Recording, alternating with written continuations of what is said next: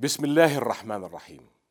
أيها الإخوة والأخوات المواطنون الأعزاء السلام عليكم ورحمة الله وبركاته.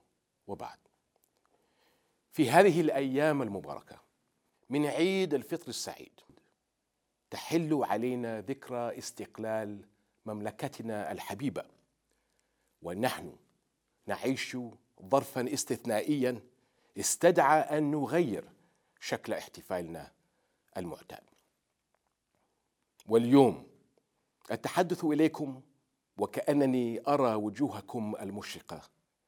يا وجوه الخير تقولون نحن هنا.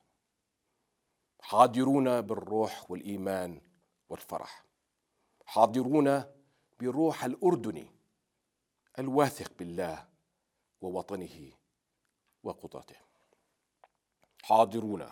بالإيمان المطلق أن القادم أفضل وأن بعد العسر يسرا.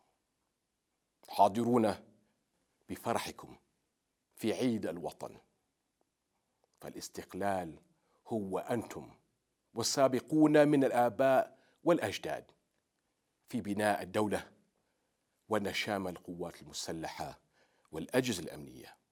حماة الوطن والاستقلال. هذه الدولة التي أصبحت مسيرتها قصة نجاح لا تزال تدهش الآخرين رغم كل ما أحاط بها من ظروف إقليمية استثنائية أو اقتصادية صعبة أو قلة في الموارد وتجاوزت بكل الإصرار أصعب الاختبارات.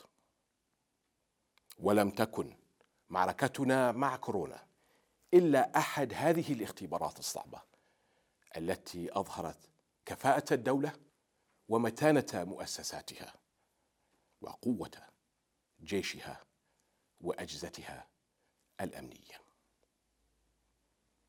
نعم لقد تباعدنا اجتماعيا لكننا تقاربنا بقلوبنا وأهدافنا لكي ننجح.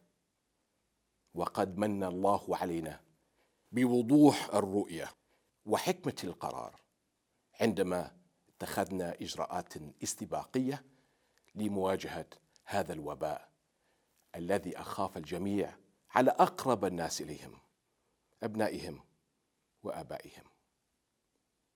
ولا بد من أن يتحمل الجميع مسؤولياتهم. وما عهدنا بالأردن إلا الوفاء والانتماء لهذا الوطن الذي ننعم فيه بالأمن والاستقرار. لنجعل هذه الأزمة واحدة من المحطات الكبرى التي تجاوزناها وحولنا أخطارها إلى عناصر قوة ومنع.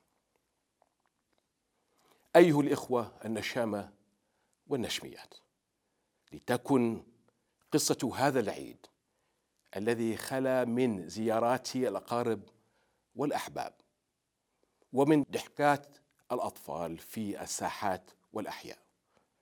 وظلت تعمر البيوت قصة نرويها لأبنائنا وأحفادنا عن وطن وقف فيه الآباء والأمهات بقوة لحماية حياتهم. ومستقبلهم. وأتمنى لكم دوام الصحة والعافية والمضي قدما لتحقيق ما تطمحون إليه. اعد الله علينا هذا العيد وعلى الأردن الغالي باليمن والبركات.